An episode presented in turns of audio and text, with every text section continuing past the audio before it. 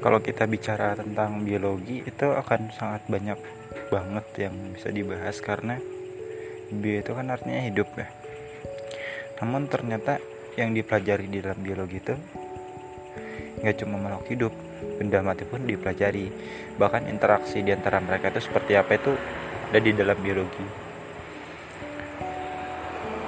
Biologi ini ilmu yang general ya menurutku. Kenapa?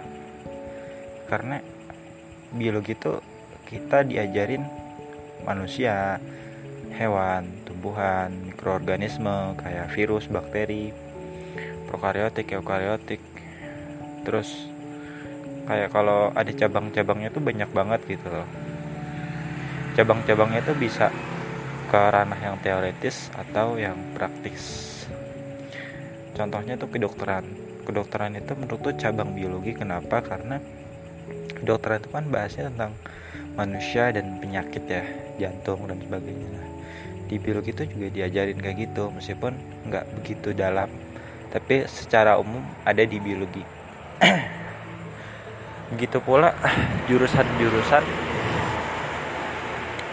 yang kaitannya dengan pertanian peternakan perikanan aquaculture yang klaster agro itu basicnya ada di biologi ya mau apa lagi? Farmasi gizi kesehatan. Di biologi ada semua. Yang sosial juga ada sih. Kita di biologi diajarin bioentrepreneurship itu di semester 2 kita diajarin kayak ide-ide bisnis semacam apa.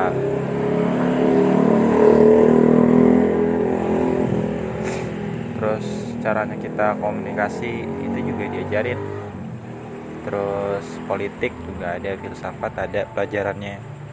Meskipun ya secara basic ya secara umum itu semua ilmu yang menurutku itu dasarnya adalah biologi. Biologi dan filsafat itu adalah dasar ilmu. Kenapa? Karena dari dua ilmu lah.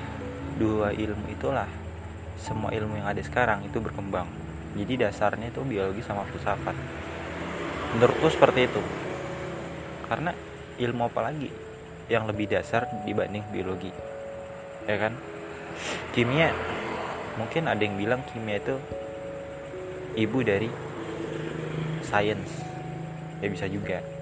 Tapi menurutku tetap biologi sih yang paling paling dasar dibandingkan kimia terus selain itu di biologi sebenarnya kita semacam diberikan banyak pilihan gitu loh.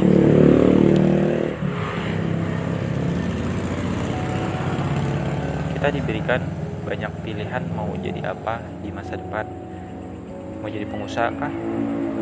Atau yang lain lah